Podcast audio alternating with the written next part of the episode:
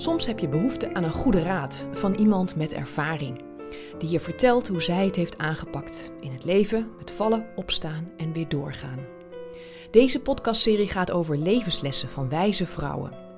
Ik ben Karin Tigeloven, interviewer, filmmaker en dagvoorzitter. En dit keer spreek ik met Marianne Richel. Het is wel mijn visie op het leven dat je dingen moet doen die op je pad komen, omdat je daar wat van kan leren. Ook van tegenslagen leer je. En uh, het helpt enorm als je daar uh, positief naar kijkt, want dan is het niet nutteloos. Ja, ik heb dat leven moeten leiden. Ik geloof, ik geloof daar gewoon in. Dat, dat sommige dingen komen op je pad, die moet je doen. Marianne is 73 jaar, wilde ooit veearts worden, leerde het vak van edelsmid, richtte exposities in, maar deed ook een opleiding voor hypnotherapie en voor kindertherapie. Ze is vervent tango-danseres, creatief en organisatorisch brein en altijd nieuwsgierig en nog steeds, zoals ze zegt, een huppelmeisje. We hebben het over de liefde en je eigen pad volgen, ook al hebben je ouders uiteindelijk gelijk. We zitten thuis bij Marianne in Oostgeest en ik vraag haar eerst hoe haar leven er nu uitziet. Nou, eigenlijk is mijn leven er nog leuker op geworden. Ik heb altijd, vind ik zelf wel, een leuk leven gehad. Uh, met ups en downs natuurlijk, zoals iedereen dat wel kent. Maar de afgelopen twee jaar ja, heb ik zoveel meer uh, ja, vriendschappen opgedaan door de tango. En ja, in plaats van heel veel afstand nemen wat we moesten doen, ja, was eigenlijk tegenovergestelde het geval.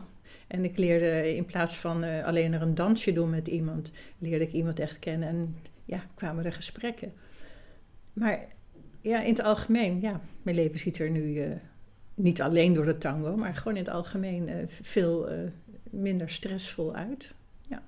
Oké. Ik geniet. Ja, wat mooi. En jij bent 73? Ik ben onlangs 73 geworden. 73 ja, geworden. Ja. ja. En jij woont in Oestgeest. Ja. In een eigen huis. Uh, je hebt een relatie, want dat weet ik met René. Ja. En een dochter. Dochter, ja. Die is net uh, 39 geworden. Ja. En je komt uit een gezin met vier zussen en een broer. Ja. ja. Jij hebt drie zussen dan. Oor, oorspronkelijk uh, had ik twee broers. Maar mijn ene broer is overleden toen hij 13 was. Okay. Toen was ik zes jaar. Oké. Okay. Ja. En heb je dat ook nog bewust meegemaakt toen? Jazeker, ja. Jazeker, ja. Um, ja, wat kan ik daarover zeggen? Dat moet voor mijn ouders een vreselijke traumatische periode zijn geweest. Maar mijn ouders die wilden de andere kinderen niet belasten met hun verdriet. En um, die zouden, ja, zij wilden gewoon niet dat wij mee zouden lijden daaronder. En die gingen gewoon door voor ons. Achteraf gezien um, heeft het natuurlijk wel invloed gehad. Maar ik kan er niet zeggen dat het op een negatieve manier is geweest. Het, uh, ja, ik heb heel veel respect voor mijn ouders, hoe ze dat uh, uh, hebben, hebben gedaan. Ja. Ja, want eigenlijk in, in die tijd, dan, dan wordt er misschien ook niet zo over gepraat. Klopt, ja. Um, en dan kan het ook wel eens zijn dat het iets juist heel erg wordt weggestopt waar je dan later heel veel last van hebt. Nee, zo heb ik dat niet ervaren. Nee, absoluut niet. Um, omdat het ook die tijd was. Nu denk ik wel eens, het moet een enorme impact hebben zijn geweest voor mijn, uh, mijn broer. Omdat hij niet zoveel uh, jaren scheelde met mijn overleden broer. Dus wat dat betreft denk ik wel eens van, goh, ja, wat zou dat nu nog eigenlijk voor hem zijn? Maar wij praten er eigenlijk heel weinig over. Zeker met mijn broer eigenlijk niet.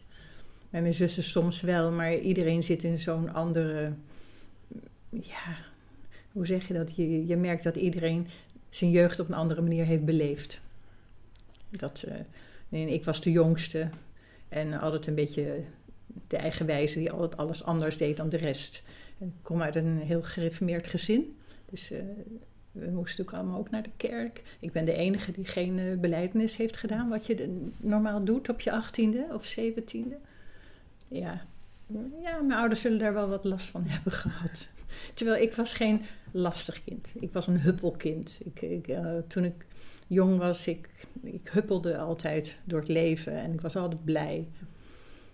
En uh, iedereen vond me ook altijd zo lief, wat ik vreselijk vond. Want Ik, ik, wilde dat helemaal niet. Ik wilde niet lief zijn. Ik wilde stoer en, en sterk zijn. Ik, ik, ik, ik, hoorde bij de jongetjes. Ik wilde een jongetje zijn. Even een grote stap van toen naar... Uh, wat, wat ben jij gaan doen in je leven? Ik wilde eigenlijk oorspronkelijk veearts worden. Want ik was gek van beesten.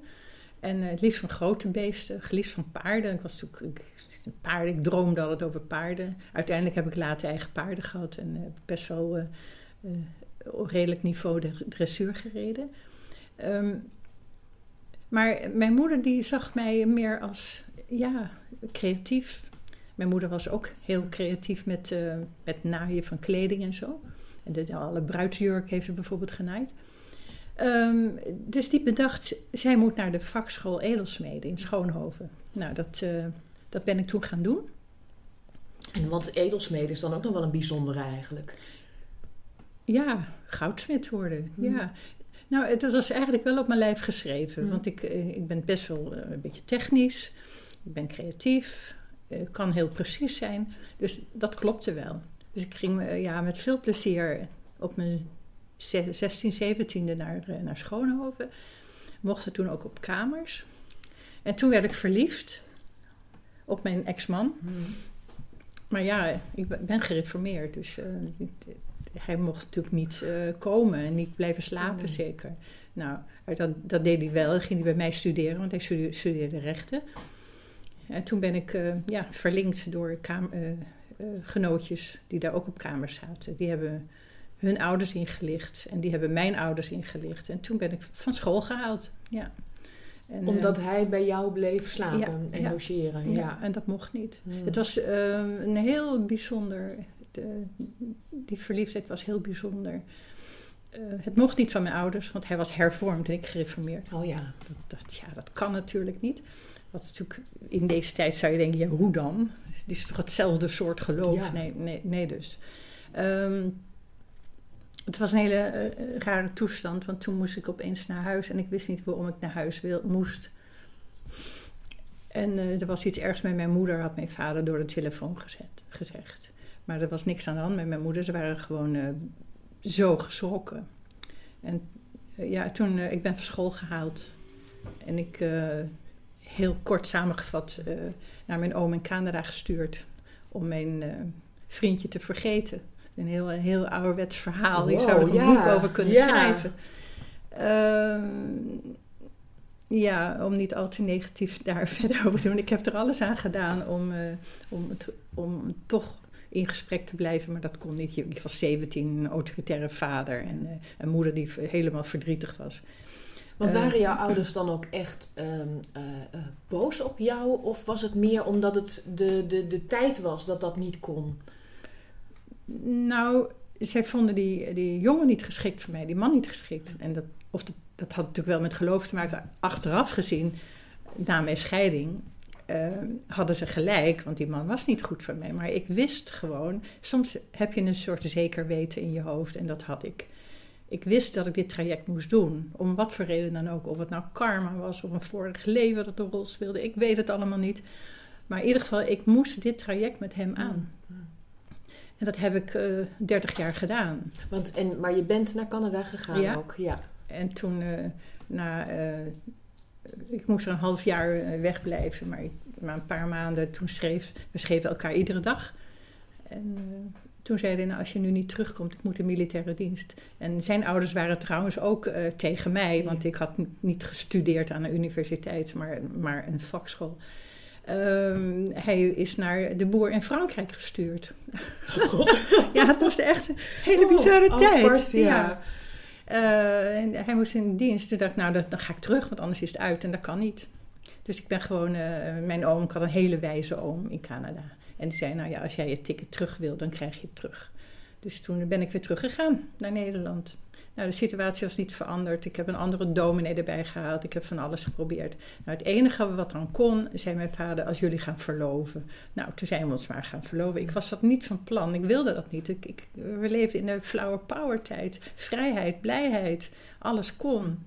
Nou, dus niet in, in zo'n milieu. Ja, ja. Uh, nou, we zijn verloofd en een, een aantal jaren getrouwd. Toen hebben ze zich erbij neergelegd omdat ze mij niet kwijt wilden. Maar ik stond er wel zo in, als jullie het er niet mee eens zijn, dan, uh, dan, dan volg ik mijn eigen pad. Dan maar geen familie, dacht ik toen. Ach, uiteindelijk is het zo niet gelopen en daarna is het gewoon best wel goed gegaan. Maar ik had wel een, een, een, in het begin een goed huwelijk. Maar op het moment dat mijn ex-advocatuur ging, ja, dat had hij beter niet kunnen doen. Hmm. Want uh, toen verhardde die en ons huwelijk ging eigenlijk niet meer zo goed.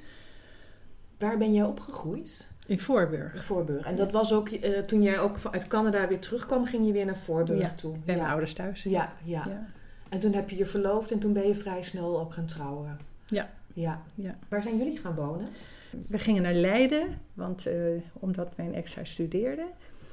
Um, toen had mijn oom op de Breestraat tegenover het stadhuis, die had een, uh, een, zolder over. En daar mochten we gaan wonen, maar alleen als we getrouwd waren. Nou ja, dan gingen we maar trouwen. Ja, dat zat, ja anders zag ik geen mogelijkheid. Ik, ik, wilde gewoon weg. Ik wilde zelfstandig zijn. En uh, dat hebben we dan maar gedaan. Hoewel ik eigenlijk helemaal niet wilde trouwen. Net zo ook niet wilde verloven. Ik vond het onzin. Maar goed, ik heb hem daar weer neergelegd en dan dacht, nou, dan, dan hebben we in ieder geval weer mogelijkheden om, om verder te gaan. Dus we zijn naar Leiden gegaan mhm. en uh, daar, daar zijn we gebleven. Ja, we zijn, we hebben heel lang in een hofje gewoond in Leiden. In het Tevelingshof, dat was erg leuk. Een hofje met een, in een parallelogram. Oh ja. Toen later naar, naar Oestgeest. Ja, hier woon je eigenlijk ook alweer heel lang hè, in Oestgeest. Ja, ik heb 30 jaar dan in het oude deel gewoond, in de Richtesselaan. Eh, en nu eh, elf jaar hier. En um, als jij nog even, want jij zegt als kind was ik een enorm huppelkind. Ja. Eh, ben je dat eigenlijk, zie je dat in jezelf nu nog? Ja. Ja? En waar zie je dat in? Ik ben nog steeds de, het, een blij mens. Ik, ik, ik verwonder me iedere dag opnieuw over het buiten zijn, wat ik zie, de dieren de, de vogels. De, ehm, ook mijzelf. Ik verwonder me ook nog, verbaasd me ook iedere keer over mezelf, over de mensen in mijn omgeving. Soms denk ik, waar, hoezo? Waarom doe je dit zo? Ik, uh, ik ben altijd nieuwsgierig en verwonderd. Ja, ik denk dat dat heel goed is om, om dat te blijven. Want dan blijft iedere dag een soort van nieuw. Iedere dag geeft weer wat nieuws. Ja, want het wordt dan wel vaak eens gezegd, hè, dat als je dan, als je dan even heel cliché hoor, maar als je dan ouder wordt, dat je dan uh, je minder verwondert en dat je vaker dezelfde dingen tegenkomt.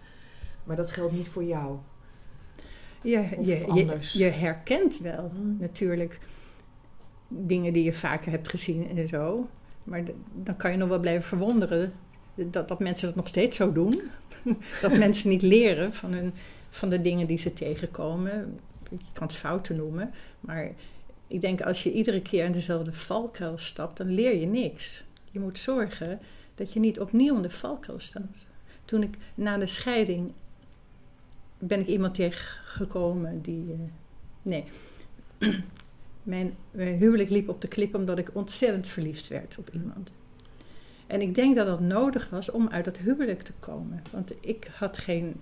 Uh, ik, ik had geen geld, ik had geen opleiding. Ik, opleiding, ik had mijn typediploma en ik had wat ervaring als secretaresse, wat ik heel lang heb gedaan. Maar uh, ik werkte op zich niet meer. Ik had, uh, dat vond mijn ex niet leuk. Die, dat vond ze onhandig, want dan was ik er niet als hij me nodig had of zo. En uh, qua financiën heel, ja, was het ook niet zo nodig. Maar ik wist dus niet welke kant ik op moest. Ik had een dochter. En, ja, en, en, als je geen geld hebt, wat dan? En van een advocaat scheiden, scheiden is echt niet handig. Nee, nee.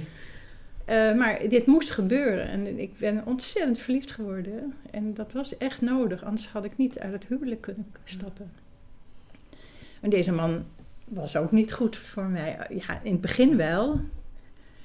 Maar ik, op een gegeven moment wist ik dat ik hier ook uh, afscheid van moest nemen. En dat heb ik heel erg moeilijk gevonden, omdat mijn verstand zei: dat moet je doen. En het gevoel wilde dat niet. Ik heb het wel gedaan, maar daar heb ik ontzettend veel van geleerd. Want het was weer dezelfde valkuil waar ik uh, instapte. Het een ander alleen maar naar de zin willen maken en mezelf vergeten.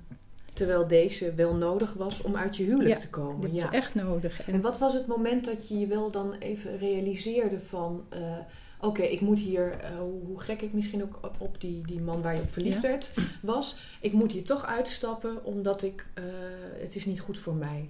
Eh, hoe, wanneer ik dat ontdekte? Ja, hoe je dat, on- hoe je dat realiseerde. Ja, het sluipt erin. En dan opeens doe je je ogen open, denk ik. Ik, Mm. ik kan niet het moment benoemen, Mm. maar meer dat ik dacht van ja, nee, dit gaat niet goed. Dit gaat echt niet goed. En weet je, het is heel lastig omdat je altijd weer terugverlangt naar dat eerste stuk. eh, dat je verliefd wordt en iemand eh, opeens zo eh, positief en leuk is. Dan, ja, dat, dat, als iemand dat niet volhoudt, ja, ja, dan, dan, nou ja, dan gaat het, loopt het Wat, anders. ja, wat, wat, wat was, want eh, dat, dat heeft jou wel ertoe gebracht dat je uiteindelijk eh, het, eh, voor jezelf hebt gekozen. Ja. En wat ben je toen, wat, wat, wat werd toen jouw pad? Oh, daar moet ik even over nadenken.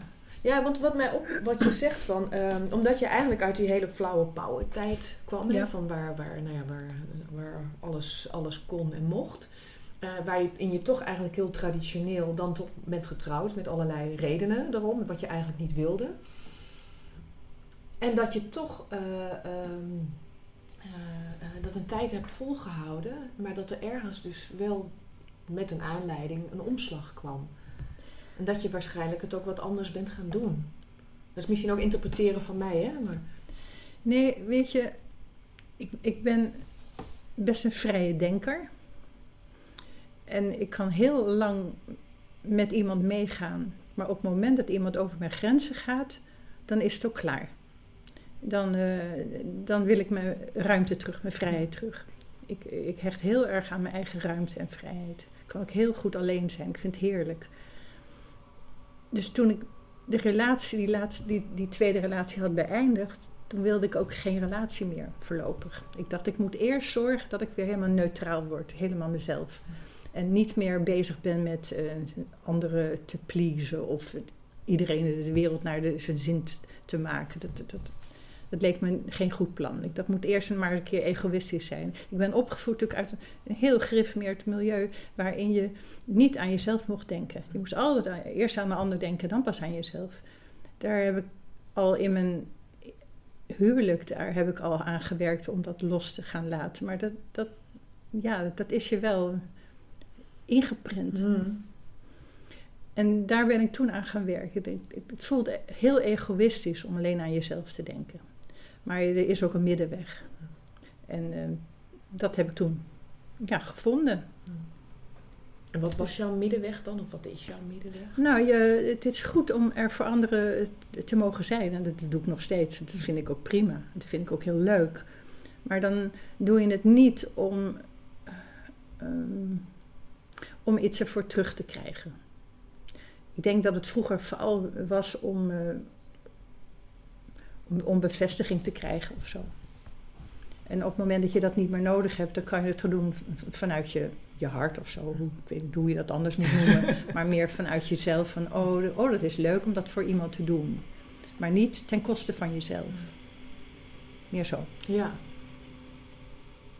Ja, je hoort het. Er komt een veegmachine langs. Nou, even geduld. Ja, hij is aan het schoonmaken. Ja, ja. En dan praten we door over haar dochter, Dominique. Ja, ik heb een fantastische dochter. Die heeft me heel vaak een spiegel voorgehouden. Als ik, ehm, toen ik zo verliefd was, eh, toen was ik wel heel erg alleen met mezelf bezig. En toen heeft zij me heel duidelijk spiegels voorgehouden. En ja, daar ben ik er zo dankbaar voor. En, ehm, en nog steeds is een heel wijs kind, een oude ziel, ja. Die, eh, ze lijkt erg op mij, vind ik. Maar misschien vindt ze dat niet zelf. Maar eh, ik bedoel niet uiterlijk, maar eh, zoals wij denken.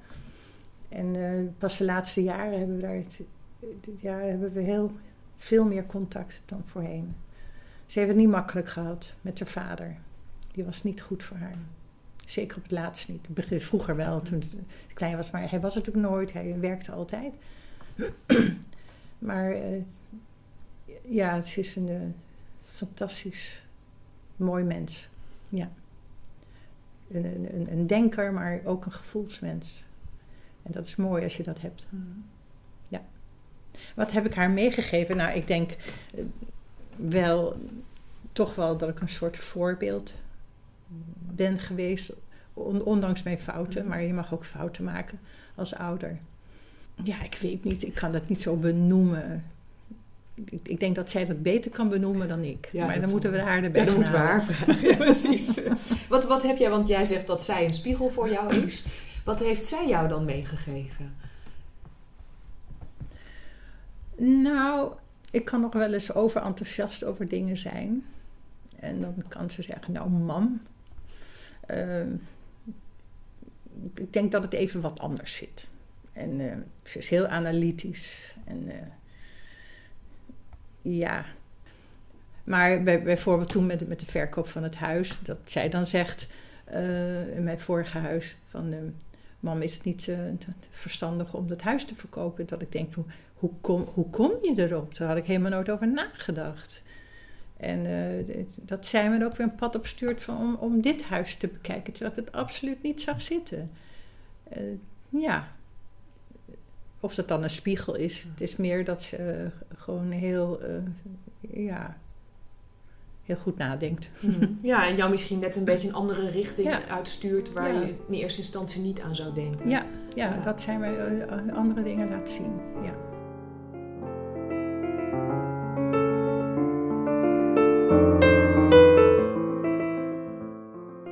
Spiegelt wie? Geef je wijze lessen mee aan je kind of leer je van je dochter? We praten door over belangrijke momenten en ervaringen in Mariannes leven en hoe ze daar zelf in stond.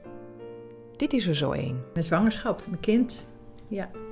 En ook daarin heb ik eh, keuzes gemaakt die eh, tegen de artsen in waren. Ik moest op opgenomen worden in het ziekenhuis omdat het, het, het, babytje te weinig groeide. En het- toen eh, vond ik dat ik daar niet voldoende rust kreeg. En dat moest ook voor mijn bloeddruk, geloof ik. Toen dacht ik, ja, maar eh, hier eh, schiet ik niet op. Toen ben ik op eigen risico het, heb ik het ziekenhuis verlaten en ben ik thuis de, de rest van de, de zwangerschap thuis doorgebracht, maar rustend. En mijn, mijn zus heeft toen bij mij eh, geholpen. En ehm, ik ben toen ook nog eh, na de bevalling, toen bleek, bleek er iets niet goed te zijn geweest en moest ik weer terug naar het ziekenhuis. En ook toen eh, ben ik weer op eigen risico naar huis gegaan, na, na een behandeling. Oh, ja. Dus het, eh, ja, dat, verbaast mezelf altijd weer over dat ik blijkbaar sommige dingen gewoon wist. Dat, van, dat wat wel of niet goed was. En dat dan heel eigenwijs was. En ik denk van ja, achteraf denk ik van hoe kan ik nou zo eigenwijs zijn geweest? Hoe kan ik het nou hebben geweten dat ik dat moest doen? Maar dat deed ik dan. En dat was ook gewoon iets wat je eigenlijk niet anders kon doen? Of, of hoe werkte dat dan? Ik vond het gewoon niet kloppen wat ik daar dan nog deed. Omdat, ja, dat heb ik wel altijd heel erg gehad. Als ik denk van, nou, dit is niet goed voor mij. Hier moet ik weg. Dan deed ik dat. Ja. En ik kan dat niet beredeneren. Nee, het is eh, een soort zeker weten. Ja, net zoals toen mijn dochter was geboren. En na drie maanden eh, gingen die oogjes eh, scheel kijken. Ach, zei de, huisarts op, het consultatiebureau, dat zijn dwalende oogjes, dat hebben kinderen altijd. Maar bij vier maanden dacht ik, nou, dat vind ik niet. Dus ik wilde verwijzen naar de oogarts. Nou, dat vonden ze echt niet nodig. Ik heb doorgezet. Ik wil wel een afspraak. Nou, klopte. Zei mevrouw, fijn dat u zo op tijd bent. Dus toen kon ik gaan afplakken. Het zijn dingen die je, die je weet. Of zo. Ik kan dat niet beredeneren. Een ander zou dan meegaan met, met het, het verhaal van de huisarts. Maar ja, dat, dat wilde ik niet. Nee. En weet jij hoe je dat weet? nee. Het is een, een weten. Gewoon een weten. Ja, ik, ik verbaas me daar achteraf nog steeds over. Over de- die dingen die mij gebeuren. Ook als jong meisje weet ik nog goed, ik een jaar of 16 was en ik had een vriendje. En, die woonde niet in de, woonde buiten de stad. En dan kwam ik s'avonds aan met de trein. En dan moest ik een eentje naar huis lopen, naar in Voorburg. En dan weet je op een gegeven moment, een paar honderd meter achter je, dat er mensen, dat er iemand loopt waarvan je denkt, dat klopt niet.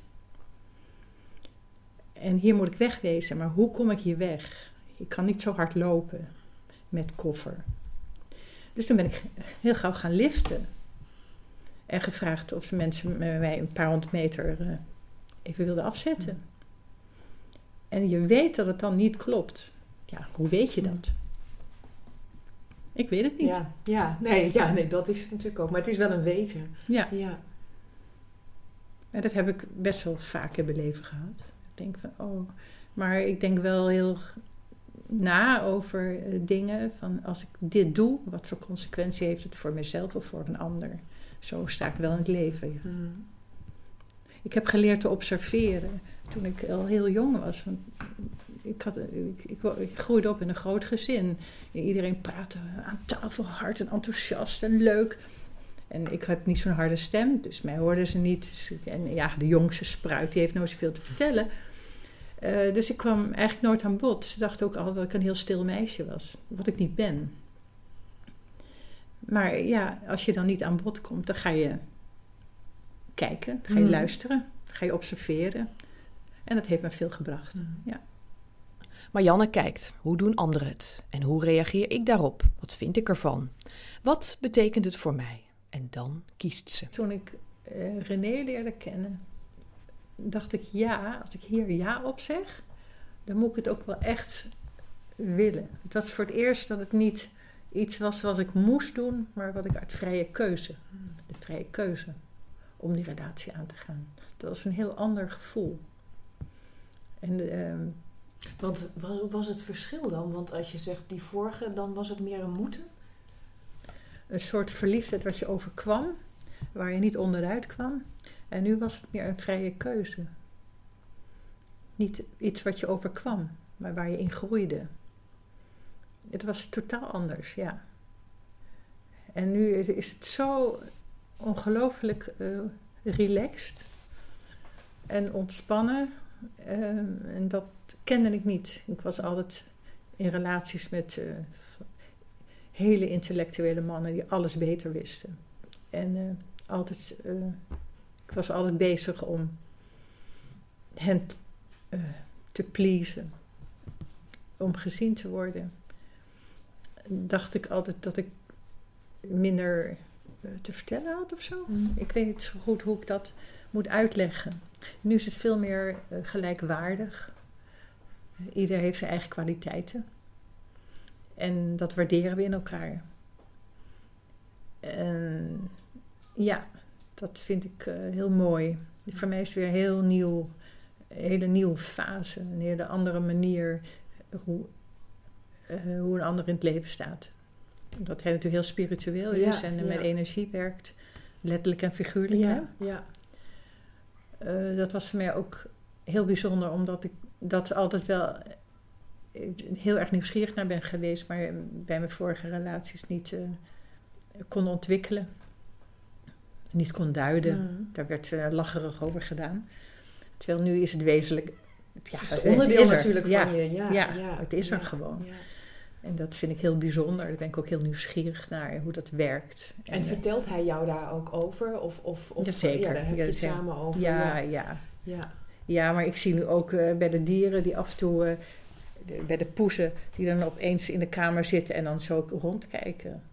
En dan eh, vraag ik aan René, eh, heb ik bezoek? Ja, dan komt even, eh, je, je vader of je moeder komt even langs, kijken of het goed is met je. Ja, Oké, dankjewel. Nou, Ja, ja. Eh, Ja. eh, dingen, ja, Ja, dat, eh, oh, wauw. ja, dat vind ik wel leuk. Ja. Meer zo. Ja. Ja. En, en, en jullie kiezen er bewust voor dat je, want je, René woont in Den Helder en jij woont hier in Oestrees, daar kies je ook bewust voor. Of, of dat, dat is zo. Ja, hij heeft daar zijn kinderen en zijn kleinkinderen. En ik heb hier mijn kind. Eh, ik heb een eigen leven hier. Met, eh, ja. Ja. Ik, en, en, en, hij heeft daar zijn leven, hij heeft werk natuurlijk nog. En hij moet nog een aantal jaar. wij vinden dit een hele fijne optie. Ja, ik heb hier zo lekker door de week mijn eigen leven en hij de zijne. En de vakanties en de weekenden doen we samen. En het is ook altijd heerlijk. Maar ik gun hem zo zijn, zijn vrijheid en zijn ruimte om zijn eigen dingen te doen. En, en ja, en, ik hou ook van mijn eigen ruimte. Dus ik, ik, denk dat deze formule bij ons heel goed werkt. Ja. Dat houden we zo voorlopig maar even aan. En we blijven dansen natuurlijk. Want dansen, ja, dat heeft daarin hebben we elkaar gevonden. Ik geloof sowieso dat door de dans je iemand heel goed leert kennen. ja. ja. Want hoe lang dans jij al tango? Zo'n uh, rond mijn vijftigste, dus uh, zo'n 22 oh, ja, meer. Al heel lang. Ja, ja, ja, 20 jaar of zo. En wat brengt jou dat, dat dansen? Het heeft mijn vrouwelijkheid ontwikkeld. Oh, wat leuk. ik, was, ja, ik voelde me altijd heel stoer. En ik, ik, wilde helemaal niks met, met meisjes en met vrouwen. Ik vond vrouwen of meisjes onbetrouwbaar. En met jongens, met mannen. Ik voelde me altijd solidair naar mannen. Ik trok ook altijd alleen maar met mannen op. En, en uh, in mijn jeugd had het, ik altijd met de jongens aan het spelen. Nooit met, uh, met, met de meisjes. En um, ik weet nog goed, toen bij die tweede relatie, dat hij toen zei tegen mij van, oh wat ben je toch mooi vrouwelijk. Ik vrouwelijk, ik was er helemaal verontwaardigd over. Toen zegt hij, hoe kan je dat nou zeggen? Kijk nou eens een keer in de spiegel. Kijk dan eens naar jezelf. Dat ben ik gaan doen en ik inderdaad, ik dacht, verdomd, ik ben een heel vrouwelijke vrouw, wat vreselijk. Ik ben helemaal niet zo stoer om te zien. Gek hè? Ja, apart. Hetzelfde als mensen vinden dat ze dik zijn. Ze gaan voor de spiegel staan en, of, of dun, uh, slank zijn, maar ze denken dat ze dik zijn. Ze zien alleen maar dik. Hmm. Je ziet wat, er, wat je in denkt je hoofd, zien. Ja, wat je hoofd ziet, ja. Nou ja, en toen ging tango dansen. Nou, toen heb ik mijn vrouwelijke kant eigenlijk ontwikkeld. En dat vind ik ook wel weer leuk. Tango heeft me heel erg uh, bewust uh, laten worden van wie ik ben. Ja. Ja, ook weer als je met andere dansen denkt van, oh nou, ik ben best wel muzikaal. Ik zit wel lekker goed in het ritme. Oh, dat gaat wel goed. Oh, wat is die, die persoon sloom. Oh, dan heb ik blijkbaar toch zelf een wat pittiger karakter. Zo, ja, je leert heel erg van een ander mm. ook hoe je zelf bent. En uh, dat je soms wel ongeduldig bent. Oké, dan moet ik wat rustiger zijn. Ik moet wat geduldiger zijn. Nou ja, tango leert je ontzettend veel. Mm. Is ook een spiegel. We keren nog even terug naar het begin van ons gesprek. De lessen van je ouders. En dan doen wat goed is voor jou. Ik zie aan mijn zussen en broer, we hebben allemaal een beetje hetzelfde. Mijn ouders zeiden altijd, ja, we zijn zakelijk, dus je moet doorgaan. Dus niet zeuren. Uh, als je een pijntje voelt, nou jammer dan. Uh, hè, zet je schouders onder en ga ervoor. Nou, dat heb ik heel, zelf heel sterk. Ik zal niet gauw um, laten merken dat ik ergens last van heb. Um, want het, waarom zou ik een ander daarmee lastigvallen? En misschien voel ik dat ook wel als een soort zwakheid. Maar mijn ouders vonden zoiets van: nou, je moet gewoon uh, uh, niet bij de pakken neerzitten. Uh, kijk naar wat er wel is. En niet naar het negatieve. Ik weet niet of ze dat ooit zo benoemd hebben, maar zo zou ik het nu mm. benoemen. Ik ben zelf eh, echt alle negatieve dingen die ik heb ervaren, die zou ik altijd omdraaien naar positief. Omdat ik denk dat ook het negatieve of de nadigheid die je meemaakt, die, die brengen je iets, daar leer je wat van. Ehm, en daar, daar komt altijd weer iets positiefs uit. Of het, het, het, moet gewoon gebeuren, of dat is je pad. En dan is het makkelijker te accepteren. Mm zo, eh, zo, ik weet niet of zij dat ook zo bewust hebben benoemd. Want vroeger praat, praatte je niet over al die dingen. Zo eh, heb ik het wel uh, willen benoemen altijd. Ja, in alles wat ik meemaak, ook al. Ik had laatst hadden we een klapband op weg naar huis. oh, toen dacht ik, ja, hoe positief kan, kan je daar dan nog naar kijken? en we stonden in een, mooi tango kleertje. Oh god, ja. Uh, in, in het snijdende wind, met regen. Op de A4, met een echt groot gat in de achterband. En René die dan toch in de kou uh, daar die band zaten verwisselen. En uh, ja, toen ik dacht ik ga maar ook keurig buiten staan. En maar een beetje achter die auto, dan vang ik wat minder wind. En ik moest ook iets dingen opzoeken, een beetje bijgeschenen met mijn mobieltje. Toen dacht ik achteraf van, oh, sinds nu met jou in gesprek ben, denk ik, ja, wat voor positiefs kan je daar dan uithalen? nou, het positieve is dat ik zoveel respect heb voor hem, dat hij dat zomaar toch maar weer doet. Ik dacht, stel voor dat ik er alleen had gestaan. Hmm. Dan had ik de ANWB moeten bellen. Hoeveel uur had ik dan moeten wachten? Nou ja, respect van hoe hij dat dan blijmoedig doet. En uh, zonder te zeuren. En hij heeft pijn in zijn pols. En het, nou, ik denk, jee, maar dat doet hij toch maar weer. Wat een kanjer, ja. Nou ja, Zo, zo, kijk ik er dan weer naar. Dat ik nog weer hem meer waardeer. Mm. Ja. Hij is een grote liefde van je, hè? ja, ik zou ja, het ja. noemen. Mooi. Weer een, uh, ja. Het is een, een, een, mooi, een mooi iemand. Mooie mens, ja. En jij zei van jou, uh, uh, toen jouw ouders hadden je eigenlijk, nou die, die hadden je dat afgeraden met je eerste man. Ja. Achteraf zeg je van, misschien hadden ze wel gelijk. Maar ik moest dat pad wel gaan. Er was geen ontkomen aan dat ik dat moest doen. Misschien ook omdat die eerste periode die was zo prachtig. Um, um, dat ik voor het eerst meemaakte dat je de gedachten van een ander kon lezen of zo. We hadden iets heel bijzonders. En daar heb ik, heb ik denk ik mijn hele uh, huwelijk op geteerd. Het is er later afgegaan. Maar uh, ja, het, het, kan zijn dat ik, dat ik iets moest uitvechten met hem uit een vorig leven. Als je daar dan, uh, daar geloof ik wel in. Uh, misschien moest ik een heleboel leren van hem. Hij was een enorme intellectueel. Ik heb wel veel van hem geleerd.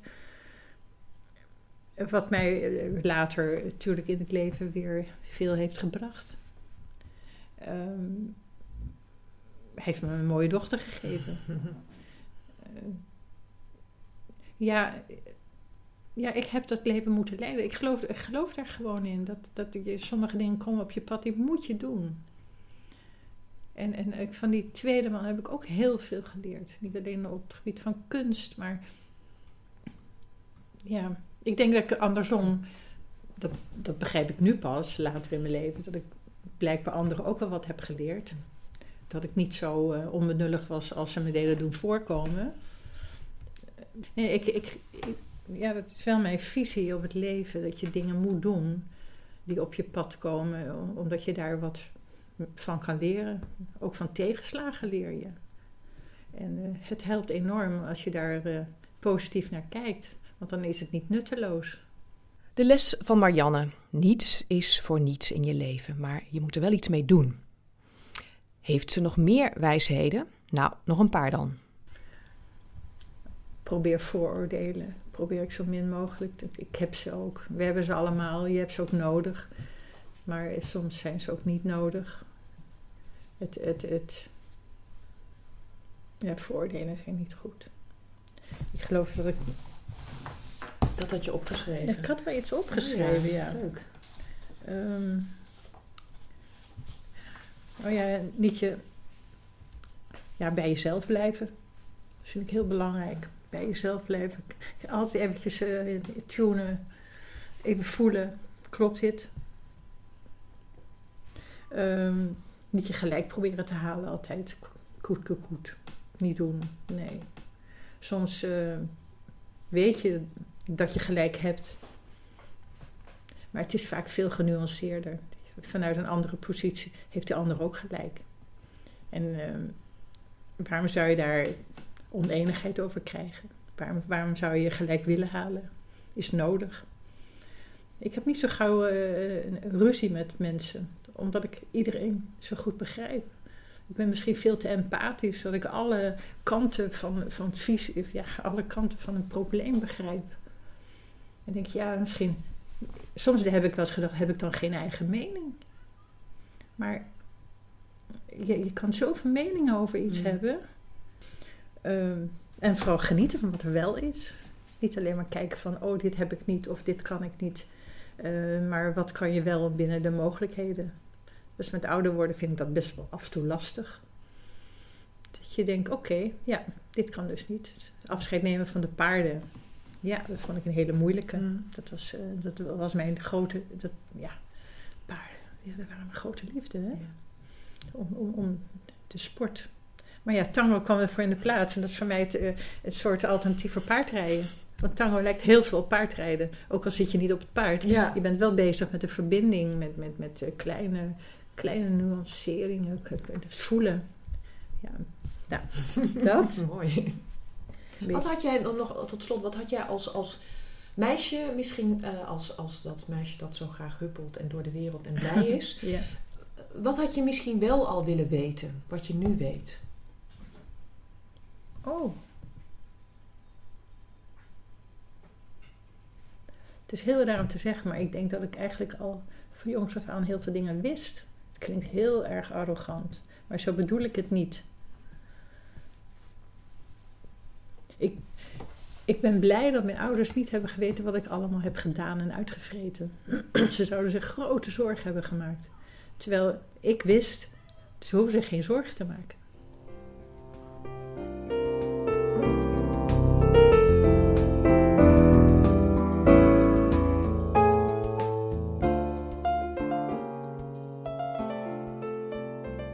Dank Marianne en dank ook jullie voor het luisteren.